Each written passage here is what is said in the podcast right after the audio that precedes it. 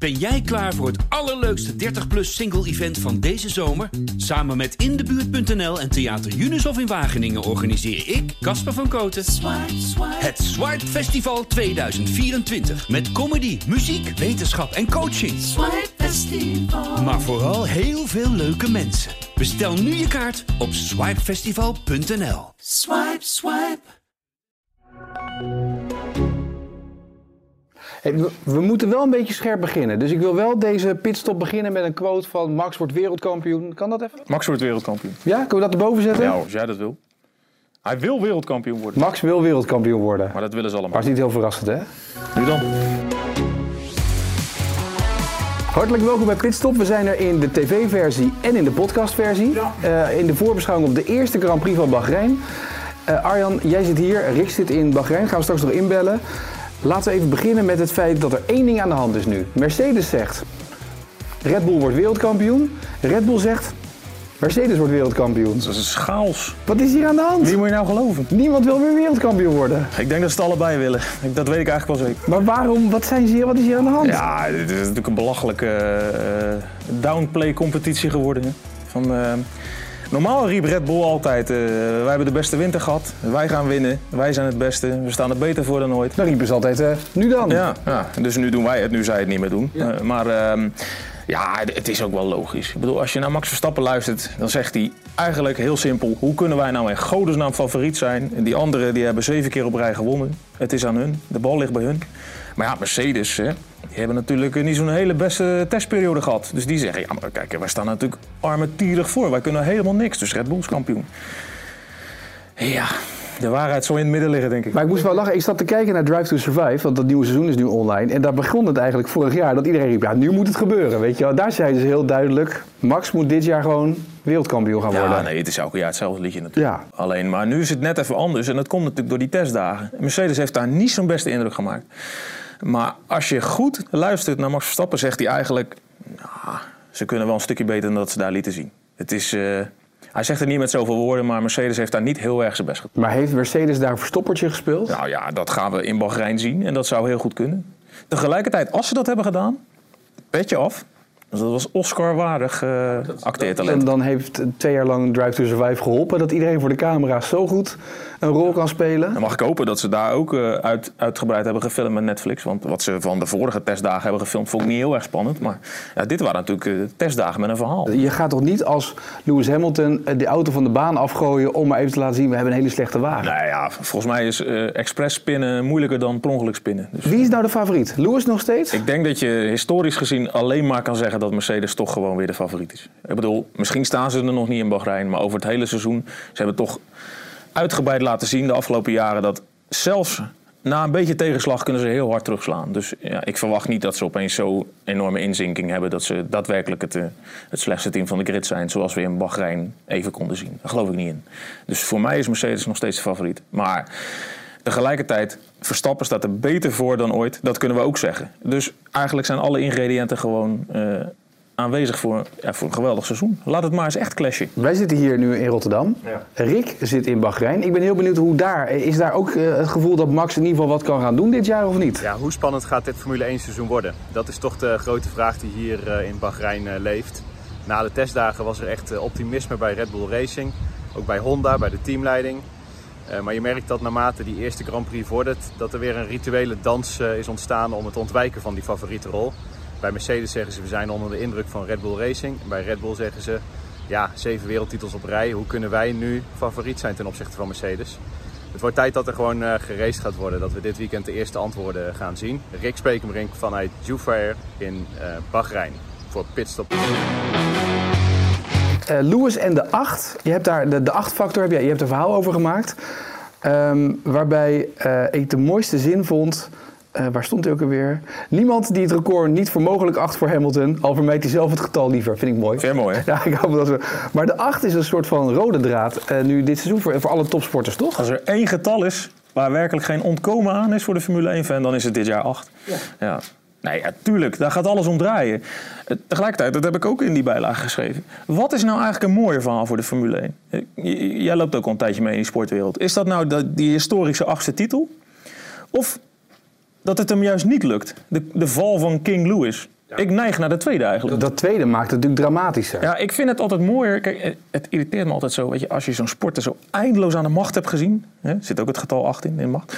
Als je een sporter eindeloos aan de macht hebt gezien. en dan zwaaien ze ook nog af als de beste. Ik bedoel, dat is, dat is mooi voor die sporter. Maar ik vind een loopbaan altijd completer als er ook nog verlies aan vastzit. Weet je, dan is het gewoon gedaan. En dan, eh, Een beetje het Lance Armstrong-principe. ja, maar dan moet je dus als winnaar ook laten zien hoe groot je bent in verliezen. En dat maakt je voor mij vaak alleen nog maar een grotere sporter als je daar goed in bent. Het gevaar is natuurlijk een klein beetje voor eh, Lewis dat op het moment dat hij dit jaar niet wereldkampioen wordt, dat hij zegt: dan ga ik het volgend jaar doen, want ik wil die acht hebben. En dat dan het nog pijnlijker wordt als je dan voorbijgestreefd bent door iedereen. Ja, ja. dus eh, verder gaan in die theorie. Geloof jij er ook in dat als hij die achtste binnen tikt, dat het ook klaar is? Ja, dan stoppen. Ja. Ik zou ook gewoon dan stoppen. Ja. Ik zou geen Roger Federertje doen. Ik zou ook stoppen, want dan moet ik een verhaal- volgend jaar een verhaal over negen maken. Daar heb ik dus helemaal geen zin in. Nee, 10 is het magische getal dan. Ja. Nee, maar nee. Ja. Ik, ik, ik vind het eigenlijk mooier als het gewoon, als het gewoon mislukt. En eh, hij moet wel gewoon het hele jaar meedoen. En eh, dat heeft de Formule 1 gewoon nodig. Een spannende strijd. En dat het dan uiteindelijk net niet lukt. Nou, dan is het volgens mij ook compleet. Hè. Dan dient zich even de oranje bril op. Dan dient zich de nieuwe, de nieuwe koning aan. Hè, die al jaren kroonprins is, al jaren warm loopt. We weten allemaal. Verstappen is de man die hem moet gaan vervangen. eh, nu aan het bedreigen is al jaren. En als je dan die, die machtsovername hebt, die troonopvolging. Ja, dat, dat is volgens mij het mooiste verhaal waar de Formule 1 nu eh, behoefte aan kan Op een gegeven moment wordt het een beetje saai dat Mercedes alleen maar vooraan rijdt. Dat verhaal hebben we wel een beetje gehad. Absoluut. Ehm, wat moeten we van Perez verwachten dit jaar? Waar moeten we die inschalen? Oh, Nou, redelijk hoog.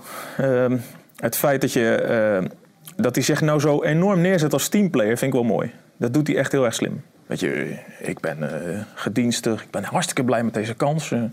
Hij, hij heeft ook al zeven keer gezegd dat hij het nog steeds niet kan beseffen dat hij Red Bull-coureur is. Nou, dat Hij heeft godzijdank 15 miljoen meegenomen die auto in. Ja, wat is het Er nou? staan voor drie? Mexicaanse sponsors op. Dus eh, hij heeft het inmiddels wel een beetje door. Dat besef is wel ingedaald. Maar het feit dat hij zich zo neerzet, dat geeft ook wel aan dat hij echt ongelooflijk blij is met deze kans. Ik bedoel, die man eh, is, wat is hij, 30, 31? Had natuurlijk niet gedacht dat er ooit nog een, een topwagen onder zijn kont zou komen in dit circus. Dat heeft hij jaren geleden gehad. McLaren, ja, maar dat was al niet meer de topwagen die het ooit was. Maar daarna heeft hij natuurlijk eh, zich vooral eh, ontpopt als een eh, hele steady puntenpakker. Maar natuurlijk niet in die topauto's. En nu komt die kans er toch nog. Dus ik snap wel dat hij zich zo neerzet. Van heel erg de, teamplayer. Ik ga het team helpen. Als we kampioen kunnen worden, ga ik er alles aan doen om maar mee te helpen. Maar hij hoeft natuurlijk maar één kans te krijgen. Verstappen hoeft maar één steek te laten vallen. En ja, Perez is gewoon weer het geheide mannetje hij altijd is geweest. Dus ja, ik, eh, dat, Maar zetten we Perez al boven Bottas? ja, ik ben geneigd om te zeggen van wel. Ja. Ik denk dat hij wat gehaider, wat vinniger, wat agressiever Maar dan het, de strijd in het achterveld. The best of the rest. Want je hebt, we weten, we hebben het nu gehad over eh, Mercedes, we hebben het gehad over Red Bull. Maar dan? Ja, dat is, dat is ook een hele interessante vraag, want daar zitten een heleboel teams. Maar heb jij al in die testdagen iets gezien waar je denkt, nou, ik ga hierop letten. Deze gaat het worden. Nou, je bent geneigd, als je, die, als je puur op die testdagen beoordeelt, om heel erg naar Alfa Tauri te kijken. Die gingen als een, als een, een tierenlier. Tegelijkertijd heb ik ook weer begrepen dat eh, Yuki Tsunoda het knopje van zijn DRS niet kon vinden. De vleugel ging wel open, maar hij ging niet meer dicht. Dus hij heeft de hele tijd met zijn DRS opengereden. Ja, dat scheelt. Waar is het knopje? en er zitten op dat stuur ook niet zoveel knopjes. Dus ja, dat, dat scheelt echt gewoon. Ehm, dus misschien eh, was dat weer iets rooskleuriger dan we ze uiteindelijk in moeten schatten. Eh, Alpine maakte een goede indruk op mij. Eh, McLaren maakte natuurlijk een geweldige indruk. Die staan bij mij echt wel hoog boven. Die, die maken al een paar jaar stappen. Dus de- voor, voor mij het best of the rest team is denk ik McLaren. Maar ja, Ferrari, eh, waar gaan die belanden? Ik bedoel, ja, de- die kunnen we volgens mij ook nog steeds niet helemaal afschrijven. Want alle kenniskunde en ook het geld is daar om echt wel weer die stap naar boven te maken. Aston Martin, hebben we het er niet eens over gehad. Ja, maar die hadden een hele slechte testweek. Ja, maar dat zegt niks, hè? Maar goed, opstartproblemen.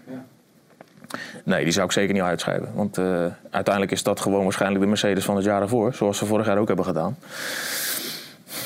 Dus het wordt druk in het eh, best of the rest veld. Ja, maar het interessant blijft wel, we gaan nu naar Bahrein toe en iedereen heeft optimisme door vorig jaar. Ja. Terecht? Ja, want het is natuurlijk een doorontwikkelde auto. Dus in wezen weet iedereen wel, wel een beetje wat ze hebben. Tegelijkertijd die aanpassing aan de vloer, hè, dat aerodynamische verhaal... is wel wat groter dan we allemaal vooraf schetsten. Hè. Want je zag dat ze daar wel allemaal een beetje aan het tobben waren met die stabiliteit. En er is gewoon een hap uit en dat moet je dan aan de achterkant weer oplossen. Hè. En die banden zijn natuurlijk ook forser. Ook ander formaat. Dus eh, ik verwacht er wel dat ze daar allemaal wel een paar races zoet mee zijn... voordat ze daar echt eh, optimale eh, instellingen hebben. Maar ja, uiteindelijk is het gewoon... eh, dit is gewoon eh, deel 2 van een, van een dubbele episode, zeg maar. Dus eh, daarom is het ook raar om te denken dat Mercedes opeens helemaal nergens meer is na vorig jaar. Nee, maar we hebben van tevoren gezegd, er wordt, de, de aanpassing, 40% wordt er ongeveer aangepast Dat dit jaar. Dan denk je op voorhand 40%, dat is niet veel. Maar elke, elke procent in zo'n wagen aanpassen is natuurlijk, heeft enorme... Sowieso, het is altijd op detailniveau natuurlijk. Hè, wat het verschil maakt tussen winst en verlies. Dus 40% is gewoon echt wel veel. Ja, en zeker als je ziet hoeveel problemen ze hebben met die vloer en met die banden. Ja. Ja. Nee, ja, eh, wordt mooi. Voordat we naar onze nieuwe rubriek gaan op het einde van deze eh, aflevering, nog even naar Zandvoort. Eh, want ook daarin eh, in de Formule 1 special in de bijlage uitgebreid aandacht voor. Gaan we nou Zandvoort racen met publiek of niet? Of gaat de race in ieder geval door dit jaar, laten we het zo zeggen? Dan stel je wel echt de moeilijkste vragen van deze hele... Wie is er nou geweest? Wie heeft nou dit ding volgeschreven? Zandvoort roept, wij blijven full power gaan voor een vol huis. Dat moeten ze ook roepen. Kijk, je, je moet niet vergeten, ze kunnen niks anders roepen nu. Ik bedoel, ze hebben kaarten verkocht, er staat een hele organisatie hier op poten. Je kan nu niet zeggen, ja jongens, dat gaat niet lukken. We, we blazen het af. In hun, in hun termen, dan is alle lucht eruit, dan is het geloof weg. Dan kan je wel gewoon de hele boel opdoeken. Dus het gaat door tot het niet meer doorgaat. Daar komt het eigenlijk op neer. Tegelijkertijd, op een gegeven moment, als dat publiek er echt niet bij kan... want laten we wel zijn, het is nu eh, eind maart... 104.000 mensen. Eh, je, je mag nu, eh, geloof ik, twee mensen uitnodigen op je verjaardag. En dan moet je in een heel groot kringetje gaan zitten met je levenworst en je augurk. Want dan zit je er dicht bij elkaar. Dus 104.000 mensen. Ik begrijp dat dat je deze week levenworst en augurk op je verjaardag hebt gedaan? Ja. Ja, ik had wat verjaardagen thuis, je snapt het. Maar, maar eh, die stappen die zijn wel heel groot. Ehm, dus ik, ik denk niet dat het volle bak gaat zijn. In Zandvoort hechten ze heel veel waarde aan die field lab testen die nu... eh, we hebben Dimitri Bonthuis daarover gesproken. Die is daarmee bezig. Hè. Die zit ook in de organisatie van tal van sportevenementen. Ja, ook in het Rotterdamse, je kent hem wel. Ehm, daar kijken ze natuurlijk heel erg naar in Zandvoort. Want dat zijn nu testjes met 1500 man of 500 man. Maar natuurlijk, hè, dat moet in eh, mei en juni moet dat ook eh, schaalvergroting krijgen. Dus dan moeten er ook testen met 2000, 3000, 5000. En dan, ja, dan kan je natuurlijk veel meer conclusies trekken van wat kan er straks. Maar er komt natuurlijk op een gegeven moment een besluit van eh, gaan we het met of zonder publiek doen en mag dat van de overheid? En als er nou echt geen publiek bij mag, maar de FIA zegt wel, nou Zandvoort willen jullie er toch graag bij. Kan je dan een tweede keer nee zeggen? Dat is natuurlijk een spannende vraag. In Zandvoort zeggen ze, het is niet alleen in ons belang dat het doorgaat. Dus met andere woorden, Ja, betaal er maar. ja, kom maar even eh, praten met ons. Doe wat water bij de wijn. Maak het financieel aantrekkelijk voor ons. En wij willen best wel organiseren. Dus ergens zal dat verzoek best komen. En dan is het de vraag of het zelfs in die afgeslankte vorm mag tegen die tijd. Vanwege eh, alle autoriteitsregels die er nog steeds zullen zijn. Want ook zonder publiek blijft het een gigantisch evenement. Met aanrijroutes en, en, en veiligheid en weet ik het wat allemaal. Dus ja, het blijft een groot vraagteken. Tot slot van deze pitstop, zowel de podcast als de tv-versie. eh, normaal gaven we met de blokjes hadden we de top 3. De blokjes komen eraan. Eh, maar wij gaan meedoen aan het eh, GP-spel. Ja, dus wij moeten als met z'n drieën, dus Rick doet ook mee, jij doet mee en ik doe mee. In het GP-spel, als je meedoet ook thuis, kan je online doen. Moet je een team samenstellen, heb je 100 miljoen voor. Heb ik ook gedaan. Mijn team bestaat uit Max Verstappen. Verrassend. Ja, ja, ik ga de Max Verstappen Tour. Uh, Yuki Tsunoda, want die was maar 10 miljoen. Ik denk, nou, als hij dan... Je weet, eh, als, als hij het knopje niet kan vinden. Ja, dat wist ik, had ik niet... Je weet dat je daar straf voor krijgt als je het hele rondje met de DRS ook. Maar dat wist ik toen nog niet toen ik dit invulde. Maar oké. Ehm, ik heb eh, Ricciardo erin zitten. En ik had als laatste had ik erin gedaan. Fernando Alonso. Fernando Alonso had ik erin. is een oude man, hè? Weet je, jouw leeftijd, ik snap het wel. Oh, dat is het. Oh, krijgen we dit. Oké. Dat was mijn team. Daar heb ik mijn 100 miljoen mee besteed. En wat ga jij, eh, hoe, ga jij het, hoe heb jij het ingevuld? Nou, ik moet de regels nog even checken. Ik heb nog een paar dagen. Maar als het dus mag, ga ik gewoon met drie coureurs rijden. Doe ik Verstappen, Hamilton.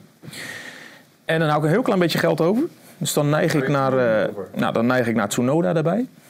En ik denk namelijk dat Verstappen en Hamilton met z'n tweeën meer punten gaan pakken dan al die andere eh, jongens die jij hebt opgesteld. Maar we gaan het zien. Je moet het een beetje tactisch aanvliegen, zo'n spelletje. Nou, eh, even kijken wat Rick heeft gedaan bij, deze, eh, bij, zijn, eh, bij zijn team. Ja, mijn team voor het AD Formule 1 spel is Max Verstappen, Daniel Ricciardo, Pierre Gasly en George Russell. En dan moeten we nog de race voorspellen. Want dit is je team waar je met de kun nog aanpassen. En we moeten nu top 3 kwalificatie doen en top 3 van de race. Nou, kom maar op. Top 3 kwalificatie, top 3 race. Ja, top 3 kwalificatie. Bottas die gaat eh pole position pakken. doet hij altijd aan het begin van het seizoen. Eh, voor Hamilton Verstappen op 3. En de race Bottas 1, Max 2, Hamilton 3. Mijn voorspelling eh, voor de kwalificatie is 1 Verstappen, 2 Hamilton, 3 Ricciardo. Voor de race 1 Verstappen, 2 Hamilton, 3 Perez. Mijn top 3, eh, Hamilton eh, voor de kwalificatie, dan Verstappen en dan Perez. En voor de race doe ik Verstappen, Perez Hamilton. Ik hoop het voor je. Weet je wat dat betekent? Nou? Dat we voor het eerst in de historie een Nederlandse wereldkampioenschapsleider hebben in de Formule 1. Heeft Rick het verhaal vast klaar, hè, de kop? Dan kunnen we nog wel een special maken, denk ik. Ja, kunnen we de volgende maken. Ehm, we gaan ook mee in het klassement, dus we gaan het bijhouden elke keer eh, wie er voorop staat en wie aan kop staat op basis van de punten. Dus eh, ja, het wordt spannend. Die drukken, niet normaal. Goed, dit was Pitstop voor eh, deze week. Wij zijn er zondagavond weer, na de race. Hopelijk in jouw stemming dat we voor het eerst een leider hebben, een Nederlands leider in het WK-klassement. Ja, maar wat gaat er dan in Nederland Dan ontstaan? beginnen we juichen toch, aan die pitstop? Nou ja, oké. Nee, dan gaan we juichen. Mag jij dan doen dit jaar? Doen we een Louis Vergaaltje. Ik moet objectief blijven. We zijn er zondagavond weer met een nieuwe pitstop. En de tv-versie is er weer bij de volgende Grand Prix. Graag tot dan.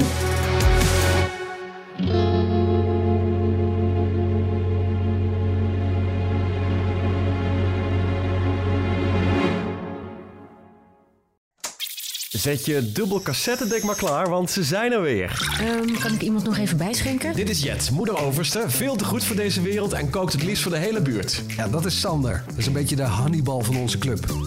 Beetje degelijke huisvader hoor. Manuel, soms een tikkeltje jaloers, vooral op sportieve veertigers en op mensen die niet in het uber saaie Hilversum wonen. Moet jij zeggen, Wietske, ons groentje die nog het liefst elk weekend in de lampen hangt. Maar met twee jonge kids het alleen licht ziet worden met Duplo en Nijntje. Gezellig jongens, zullen we beginnen? Elke zaterdag een nieuwe aflevering van de podcastserie De Veertigers. Te beluisteren via ad.nl slash De Veertigers, alle podcast-apps en sites van PZC, Brabants en Eindhovens Dagblad, BN De Stem, Tubantia, De Gelderlander en De Stentor.